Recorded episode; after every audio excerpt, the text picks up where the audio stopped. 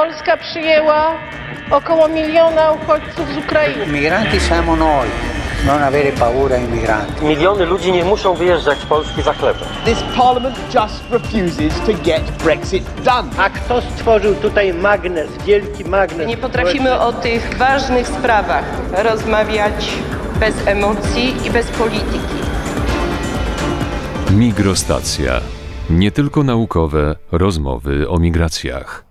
Witamy w kolejnym odcinku podcastu Migrostacja, który poświęcony będzie granicy, czym jest i jak się manifestuje w myśleniu i życiu ludzi.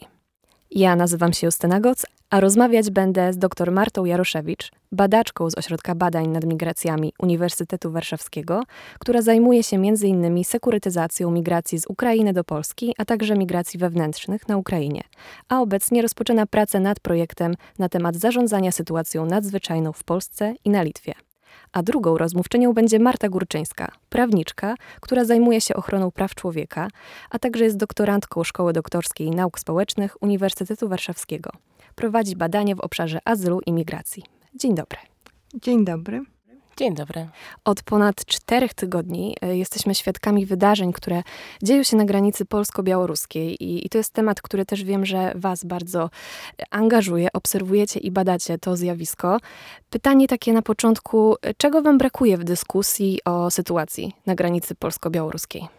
Na początek chciałam podziękować za zaproszenie.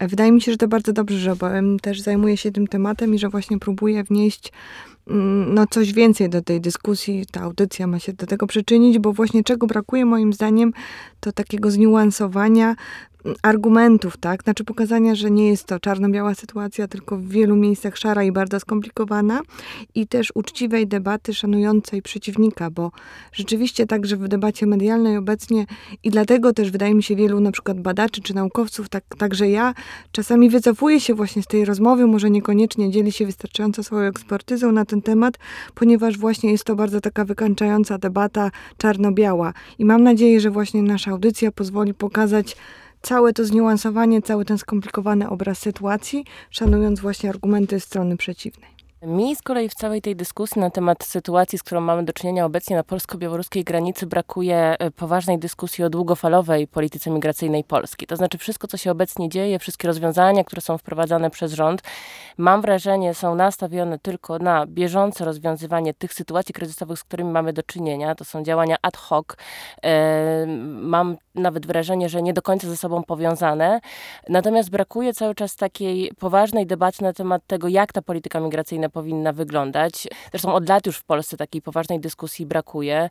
Wiemy i właściwie nie od dzisiaj, że z taką sytuacją Polska powinna była się liczyć już, już od lat, to znaczy z sytuacją, w której to na nasze zewnętrzne granice jest e, pewnego rodzaju presja migracyjna, czy to powodowana politycznie przez inne państwo, czy z jakiegokolwiek innego powodu, no bo jednak leżymy na tej zewnętrznej, znaczy nasze granice zewnętrzne są zewnętrznymi granicami Unii Europejskiej.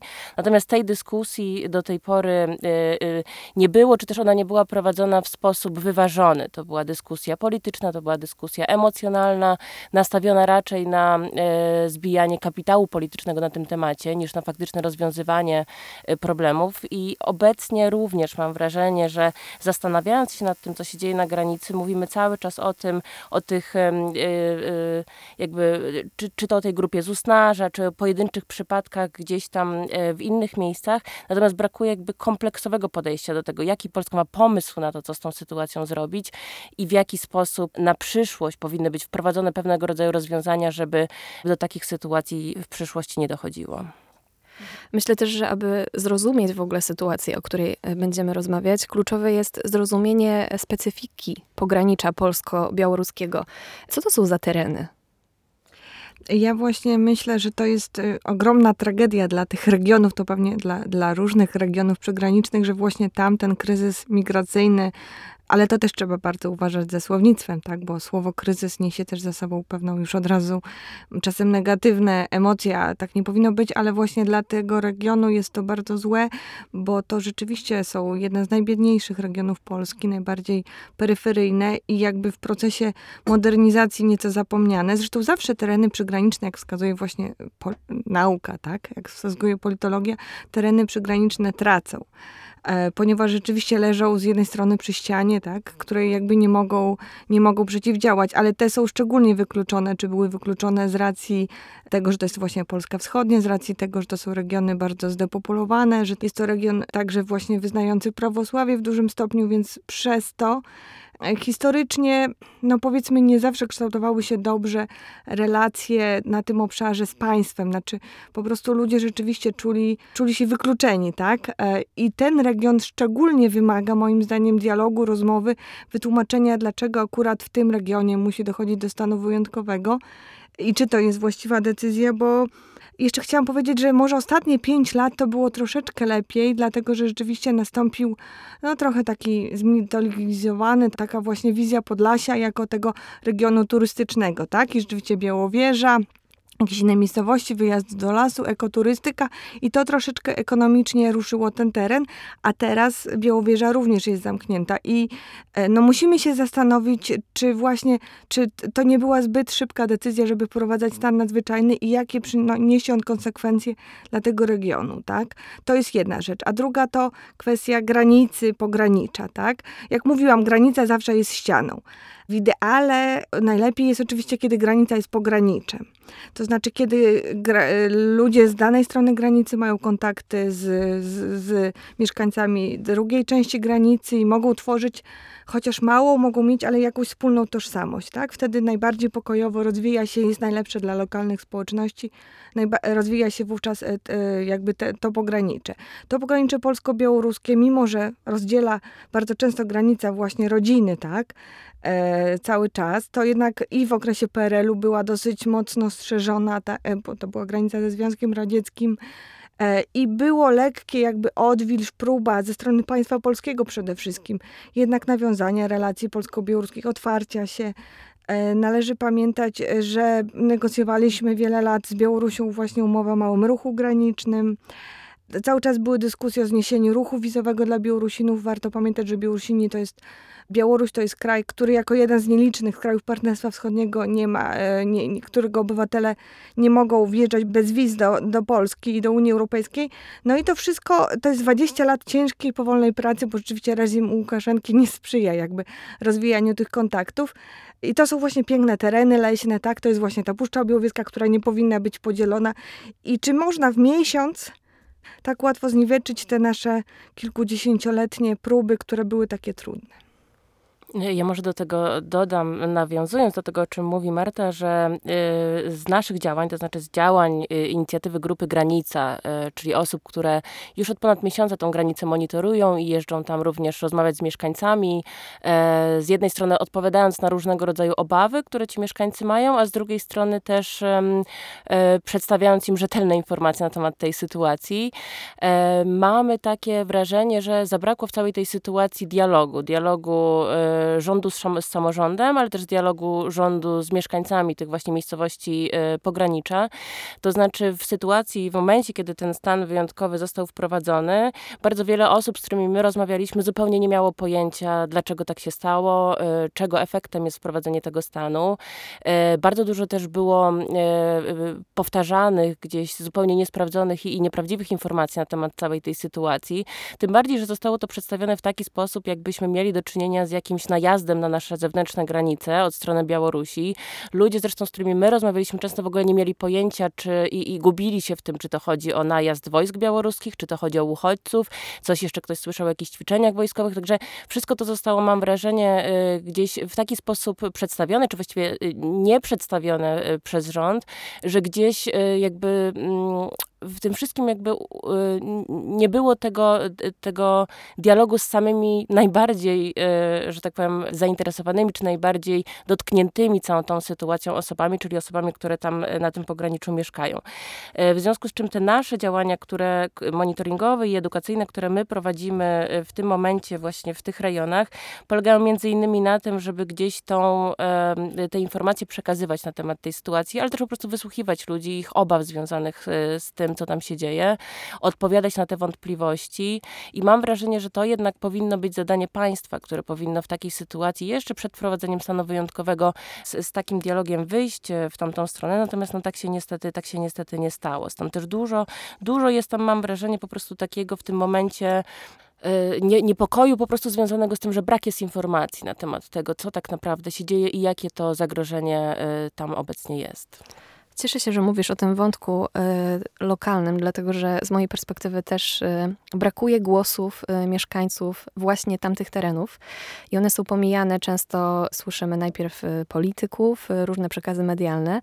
I kiedy ja też przygotowywałam reportaż, to dla mnie takim największym zaskoczeniem było to, oprócz tej polaryzacji, o której wszyscy wiemy, to, to te głosy nawet ludzi, którzy się z jednej strony boją, nie wiedzą o co chodzi i o kogo chodzi, to zawsze gdzieś tam pod koniec słyszałam takie sformułowanie, ale oczywiście wody i chleba bym nie odmówił.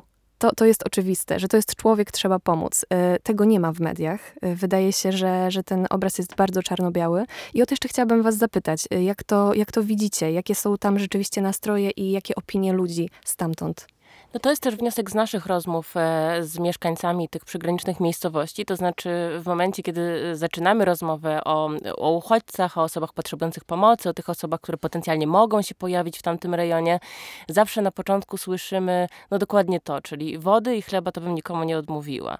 E, wiemy też o sytuacjach, kiedy ludzie wynosili garnki z zupą do lasu i je tam zostawiali po prostu dla tych osób, które ewentualnie mogłyby takiego garnka z zupą potrzebować, co też jakby trochę pokazuje, że był czy jest cały czas być może strach w ludziach, że oni nie są pewni, czy oni mogą pomagać. I, i trochę tej pomocy gdzieś tam się odbywa tak pokątnie, nie do końca y, otwarcie. Może to też kwestia tego, co powiedzą sąsiedzi, którzy na przykład są temu przeciwni. Tym bardziej, że wiemy, że w większości tych rodzin y, y, są osoby, które pracują w Straży Granicznej, więc też jakby ten, ta, ta polaryzacja, tutaj pewnie Marta o tym pewnie więcej będzie mówić, właśnie wynika z, też jakby z, z tego faktu. Natomiast byliśmy też e, zaskoczeni e, jednak pozytywnym, to znaczy e, jakby jest oczywiście ta polaryzacja, ale mam wrażenie, że jednak większość osób, z którymi rozmawialiśmy na takim poziomie ludzkim, czyli właśnie co zrobić, jeżeli ten człowiek się pojawił u mnie na podwórku, mówiła tak, da, dam, dam jej wody, dam jej jedzenia, pomogę, ale, no i tutaj się zaczyna no druga właśnie, część, a co dalej? wielka polityka. No ale Polska nie może przyjmować tak wielkich liczb uchodźców, musimy być ostrożni, to mogą być ludzie niebezpieczni, czyli na tym poziomie człowieka, e, który pomaga drugiemu człowiekowi, ta chęć pomocy jest, natomiast już na takim poziomie globalnym mam wrażenie, że powtarzane są te argumenty, które są przedstawiane po prostu w mediach, w mediach rządowych i one są powielane i, i już tutaj ta pomoc dla większych grup osób jest czymś zupełnie innym. Warto, żeby jednak wprowadzić kontekst, znaczy co tam się tak naprawdę dzieje. Może jednak, bo my rzeczywiście mówimy i bardzo dobrze, tak, bo jakby mówimy o tych rzeczach, które zwykle nie są poruszane w takiej debacie mainstreamowej, powiedzmy, ale może powiedzieć, co się dzieje. Mianowicie rzeczywiście od lipca, od sierpnia Białoruś, rządzona przez właśnie autokratę prezydenta Aleksandra Łukaszenkę, zdecydowała, że wykorzysta y, rzeczywiście migrantów, tak, organizację nieuregulowanej migracji, tak, do jakiejś tam nacisku na Unię Europejską i, I, w związku z tym od, od, od właśnie tych dwóch miesięcy zostały wznowione loty Przede wszystkim to były loty y, z Kurdystanu, tak, e, z Iraku, ale też mówi się o lotach z Afganistanu. Loty z Afryką były wcześniej już dlatego, że może też warto pamiętać, że Białoruś zawsze była w Związku Radzieckim takim krajem, który rzeczywiście kształciło się wielu e, cudzoziemców, wielu studentów, tak, więc te sieci migracyjne, na przykład z Afganistanem, to także dla Ukrainy, dla Rosji zawsze były, tak, to znaczy o wiele większe niż z Polską na przykład, więc, więc jakby zaczęło organizować te loty, a następnie przez parę tygodni nie wiedzieliśmy, co się dzieje w lipcu, tak? Ale teraz już są jakby jasne dowody. E, NATO także e, jakby już jasno przyznała to Unia Europejska, rzeczywiście białoruskie służby graniczne dopuszczają się do jakby do organizacji e, procederu tego wywozu tych migrantów na granicę, tak, nielegalnego, tak, czyli oni przylatują na Białoruś rzeczywiście legalnie i też są manieni właśnie jakby możliwością uzyskania szybkiego pobytu na zachodzie. Też chciałam wspomnieć, powiedzieć może o takim totalnym przeskoku, tak, ponieważ oni, jak było już wiele reportaży na ten temat, to już jest jakby dosyć jasno e, udowodnione, że oni przylatują rzeczywiście w miarę komfortowych warunkach e, do hotelu, w którym ja też mieszkałam, na przykład hotel Mińsk jest całkiem porządny na Białorusi i jakby spacerują sobie na tą Swiss Watchą, tak, gdzie ja też spacerowałam, znaczy staram się to sobie też jakoś zindywidualizować, a później i po tych paru dniach takiego no, no, normalnego życia, tak i płacą za to właśnie olbrzymie pieniądze, bo jak właśnie te, te dziennikarskie śledztwa pokazały od 5 do 15 tysięcy dolarów, więc nie są to małe pieniądze. Często cała rodzina się na to składa. Wszyscy wiemy, literatura migracyjna dosyć, dosyć jasno o tym mówi, że to są cała rodzina, to są kwestie też długów, jakby wejścia w długi na pokolenia, tak, bo często to są takie pieniądze, których jakby nie można, nie można zdobyć szybko, indywidualnie. E, no i nagle są wrzucani w tą puszczę, tak, czy ten las, e, zupełnie, no zupełnie nie wiedząc też o tym, tak. Białoruś zawsze była krajem autorytarnym, natomiast e, do, jeszcze nie tak dawno podpisała właśnie tę umowę o readmisji. Unia Europejska pomagała jej w wyposażeniu ośrodków dla migrantów.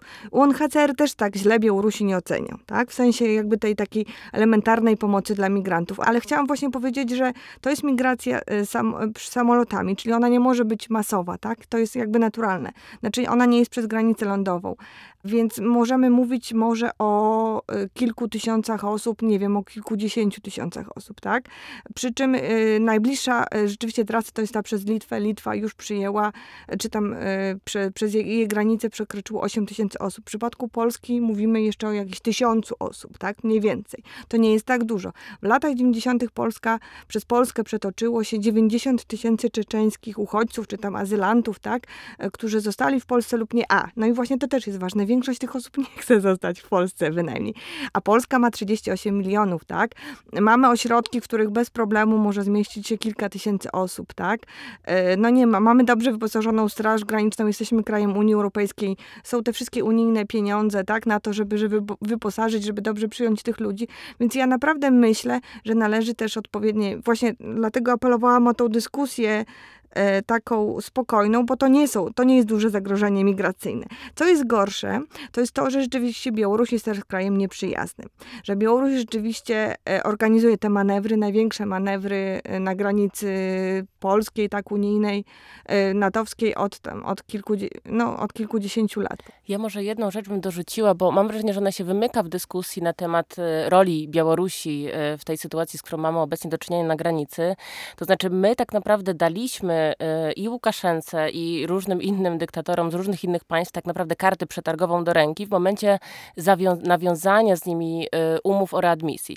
I to, I to myślę jakby warto podkreślać w tej, w tej rozmowie, że y, to, co obserwujemy w Unii Europejskiej już od lat, to jest już świetnie opisane w literaturze proces eksternalizacji granic, czyli proces polegający na tym, że Unia Europejska chcąc trzymać uchodźców poza swoimi granicami, e, nawiązuje współpracę z państwami trzecimi, które są e, państwami sąsiadującymi z Unią Europejską i to na nie e, przerzuca tą odpowiedzialność za przyjmowanie tych osób, no w ten sposób, że podpisuje z nimi umowy e, o readmisji, czy o współpracy, czy jakkolwiek one inaczej by się nie nazywały i płaci pieniądze tym państwom za to, żeby one mogły udoskonalić, czy e, unowocześnić swoją służbę graniczną, technologie związane z ochroną granic i tak dalej, i tak.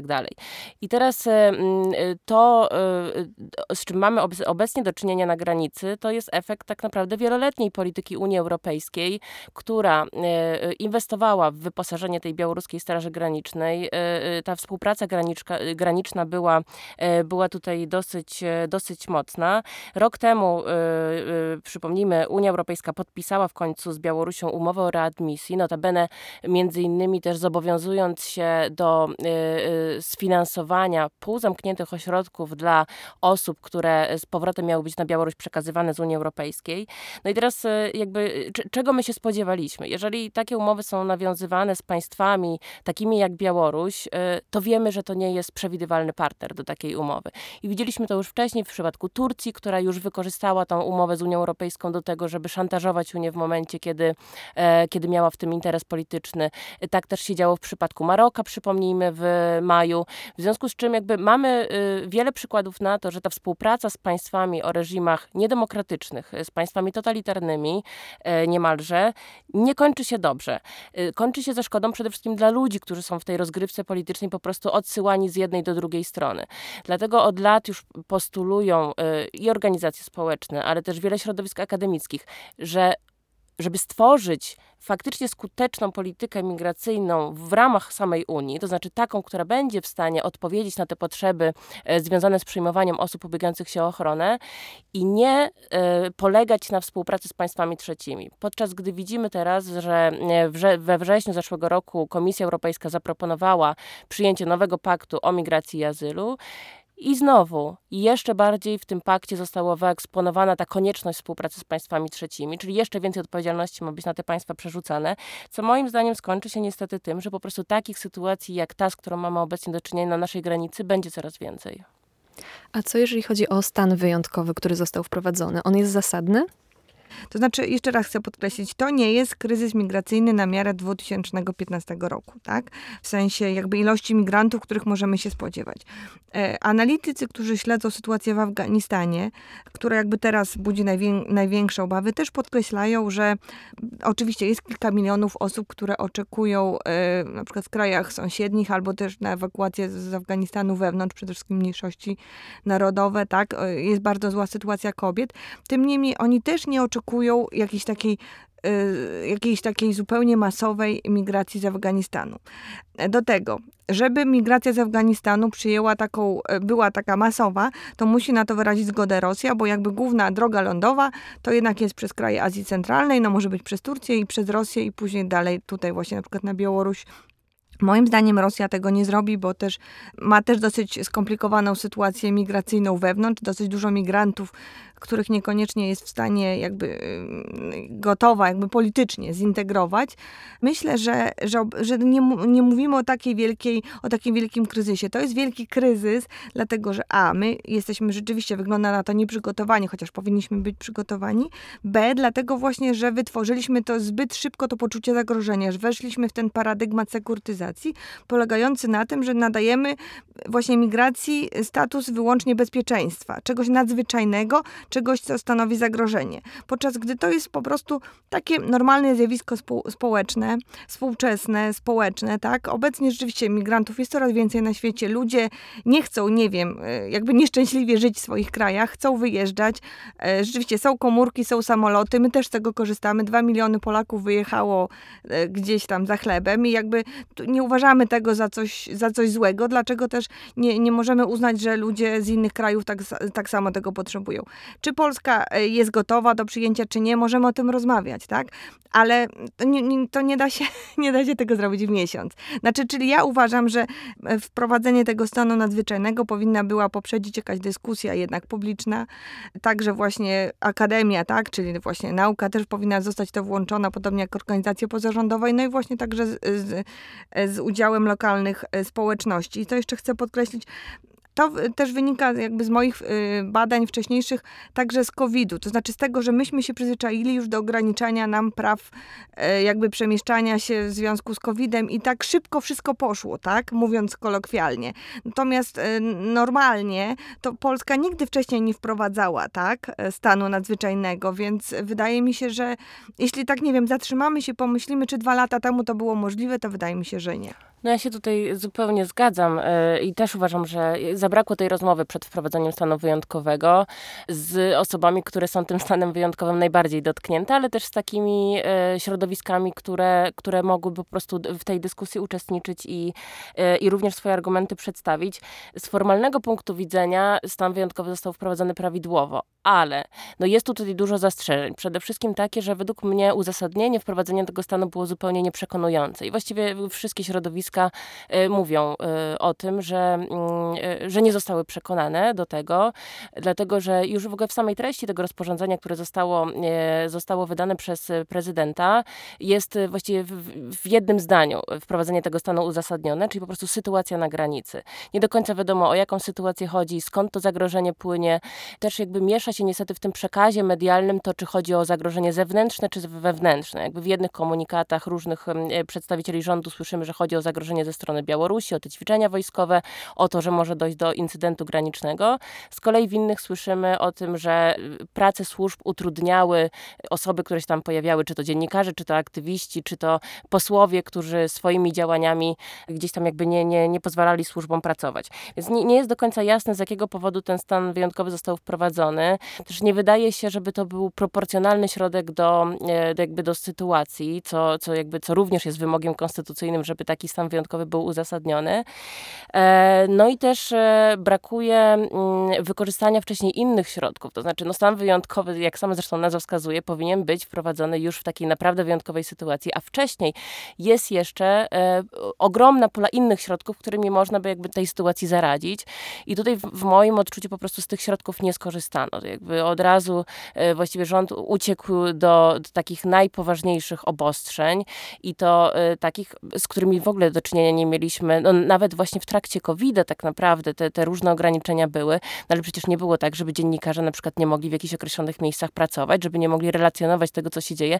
Zwłaszcza, że jeżeli mamy do czynienia z taką sytuacją jak na granicy, gdzie dzieją się rzeczy ważne, no bo wszyscy, wszystkie oczy są tam zwrócone, to tym bardziej ci dziennikarze tam powinni być. I to też według mnie pracowałoby jednak na zapewnienie takiego bezpieczeństwa i poczucia bezpieczeństwa obywateli, którzy by wiedzieli, co się dzieje. No w tym momencie jesteśmy trochę w ciemności i możemy snuć tylko różnego rodzaju domysły, co na pewno nie sprzyja takiemu poczuciu bezpieczeństwa, którego, którego bym się spodziewała. Jeżeli zahaczyłyśmy o te aspekty prawne, to Powiedzcie proszę, w jaki sposób e, zmienia się to prawo dotyczące traktowania osób e, ubiegających się o azyl? No, tutaj nie tylko w Polsce, ale też w innych państwach Unii Europejskiej już od dawna widzimy e, e, postępujące obniżanie standardów ochrony e, osób, które się chcą w Unii Europejskiej ubiegać o ochronę. I to się dzieje jakby dwupoziomowo. To znaczy, z jednej strony to się dzieje na poziomie ustawodawstw krajowych i tu widzimy, odpowiedź Polski na obecną sytuację jest taka, że aktualnie w Sejmie procedowana jest ustawa, która ma ograniczyć prawo do ubiegania się w Polsce o ochronę. To znaczy, te osoby, które przekroczą przekroczą granicę e, wbrew przepisom prawa, nie będą miały, czy, czy te ich wnioski o udzielenie ochrony będą mogły być e, bardzo szybko umorzone. E, taka sama odpowiedź wcześniej, z taką samą odpowiedzią mieliśmy do czynienia czy na Litwie, czy w Grecji, czy w innych państwach, które, które zostały postawione w podobnej sytuacji. Natomiast z drugiej strony, i to też, a może nawet jest bardziej niepokojące, widzimy też obniżanie się standardów w ramach samej Unii Europejskiej. To jest przykład tego paktu, paktu, y, o którym już wspominałam, paktu o migracji i azylu, który został przedstawiony w zeszłym roku przez Komisję Europejską. I, I tam rysuje się taki dosyć ponury obraz tego, jak Unia Europejska sobie wyobraża y, swoją dalszą politykę migracyjną i azylową. To znaczy, chcemy uniemożliwić osobom poszukującym ochrony możliwość dostania się na terytorium Unii, jak najwięcej osób zatrzymać na granicach. Z drugiej strony chcemy przyciągać talenty i umiejętności, czyli zależy nam na, pewne, na, na jednym rodzaju y, migrantów, czyli tych, którzy mogą w jakiś sposób korzystnie e, dokładać się do tej naszej e, europejskiej gospodarki. Natomiast z drugiej strony tych, którzy nie są już tak dla nas korzystni z różnych powodów, chcemy trzymać na granicach. Więc jest to taka raczej, powiedziałabym, no, bardzo niepokojąca z punktu widzenia ochrony praw człowieka, e, bardzo niepokojący kierunek, w którym idzie ta polityka europejska.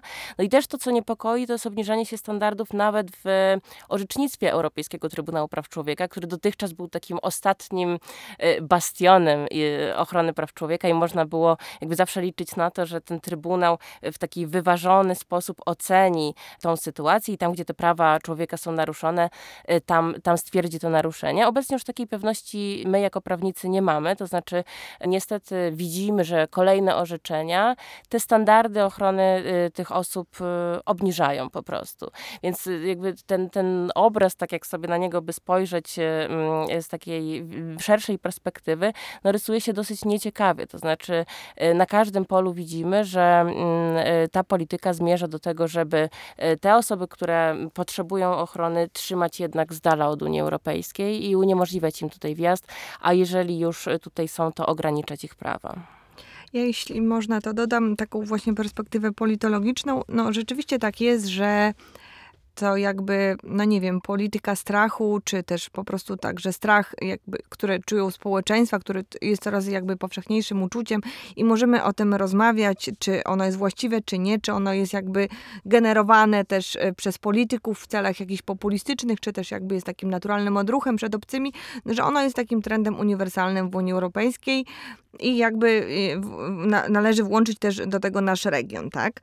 E, I w związku z tym rzeczywiście mm, nie należy oczekiwać, że państwa unijne nagle zaczną prowadzić politykę bardziej liberalną w tej chwili, tak? Raczej kolejne jakby właśnie pakty o migracji azylu, jeśli będą przyjęte, to będą coraz bardziej, e, coraz bardziej um, no takie powiedzmy nie, nie przyciągające migrantów, ale z drugiej strony no nie da się prowadzić takiej niespójnej polityki, tak? Bo jeśli Unia Europejska rzeczywiście jakieś tam wartości reprezentuje, to one muszą też dotyczyć chociaż w minimalnym stopniu także cudzoziemców, tak? Znaczy, no nie możemy tutaj oczekiwać, nie wiem, najwyższych standardów dla swoich obywateli, a później i, i jakby dawać jak najmniejsze standardy tym obywatelom krajem trzecich, trzecim. To się w pewien sposób musi zemścić, bo nie da się właśnie prowadzić takiej niespójnej takiej polityki i to się zemści jakby na demokracji, tak? Unijnej w którymś momencie. I na przykład moim zdaniem zauważył to już Parlament Europejski i właśnie Parlament Europejski w całej tej Unii Europejskiej, znaczy jest tym ciałem, które jakby dąży, próbuje e, jakoś przywrócić, ten, przywrócić e,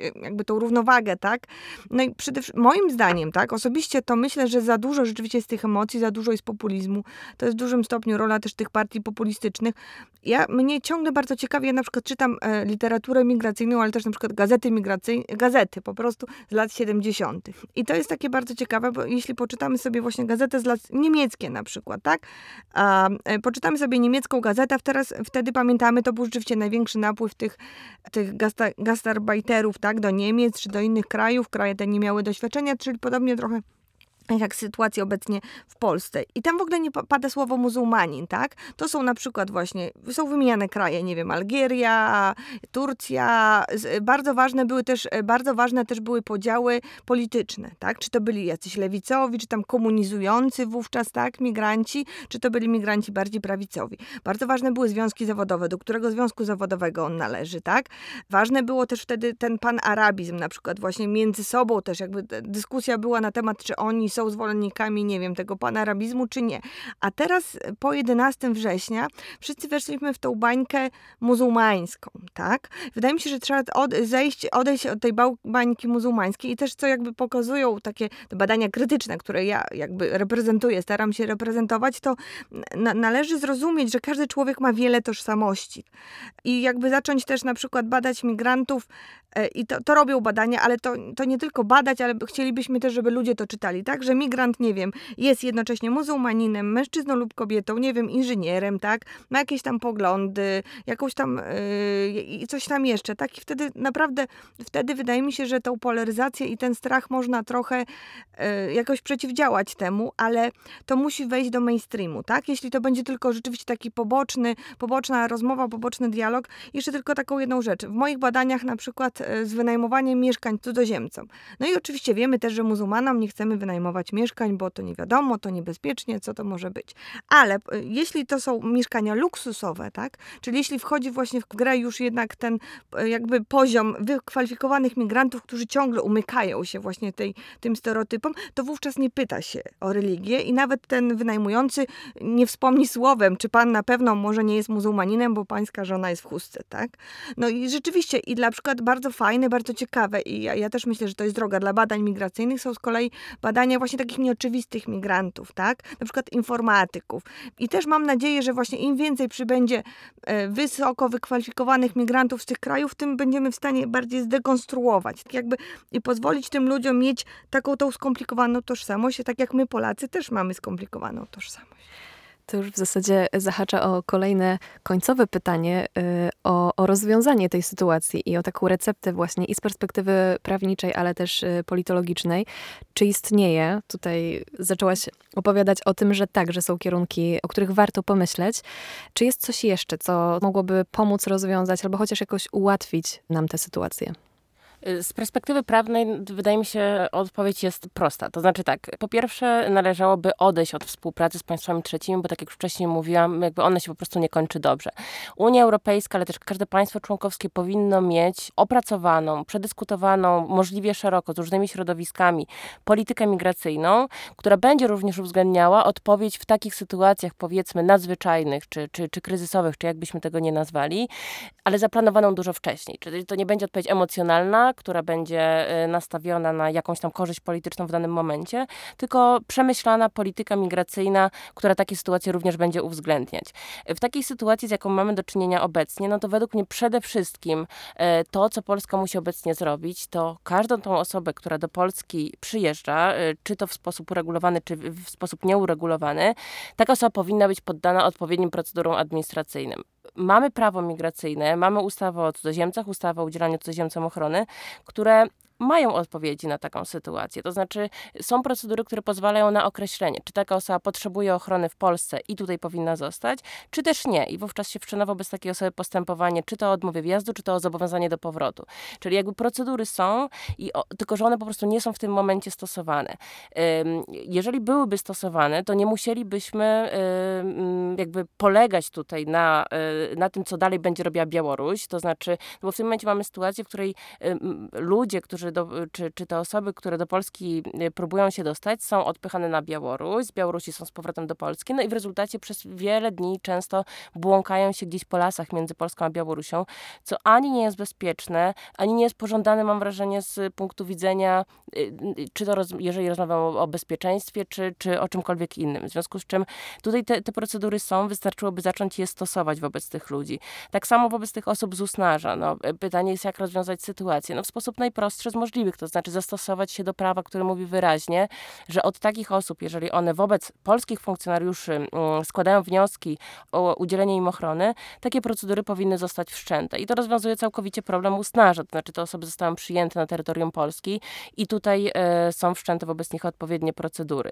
Więc tak jak mówię, jakby sytuacja, z którą mamy do czynienia obecnie, jakby takie doraźne rozwiązanie to polega tak naprawdę po prostu na przestrzeganiu przepisów prawa i wdrożeniu procedur wobec tych osób.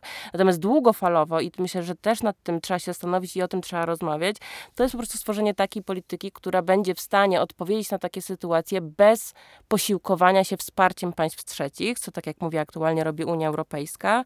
I w dodatku z takim założeniem, że te państwa, które z nami sąsiadują, mogą w przyszłości również tą sytuację wykorzystywać i, i właśnie w taki, sposób, w taki sposób tą politykę prowadzić. Więc my musimy po prostu być na to odporni i musimy też taki sygnał wysłać do tych państw, że my sobie z tą naszą polityką migracyjną radzimy. I to jest jakby niestety to, co mam wrażenie tutaj jest głównym problemem, to znaczy te państwa w ten sposób mogą e, jakby z Unią Europejską pogrywać, bo widzą, że na tym polu jesteśmy bardzo spolaryzowani i że po prostu sobie z tą polityką naszą migracyjną wewnątrz, wewnątrz Unii nie, nie radzimy.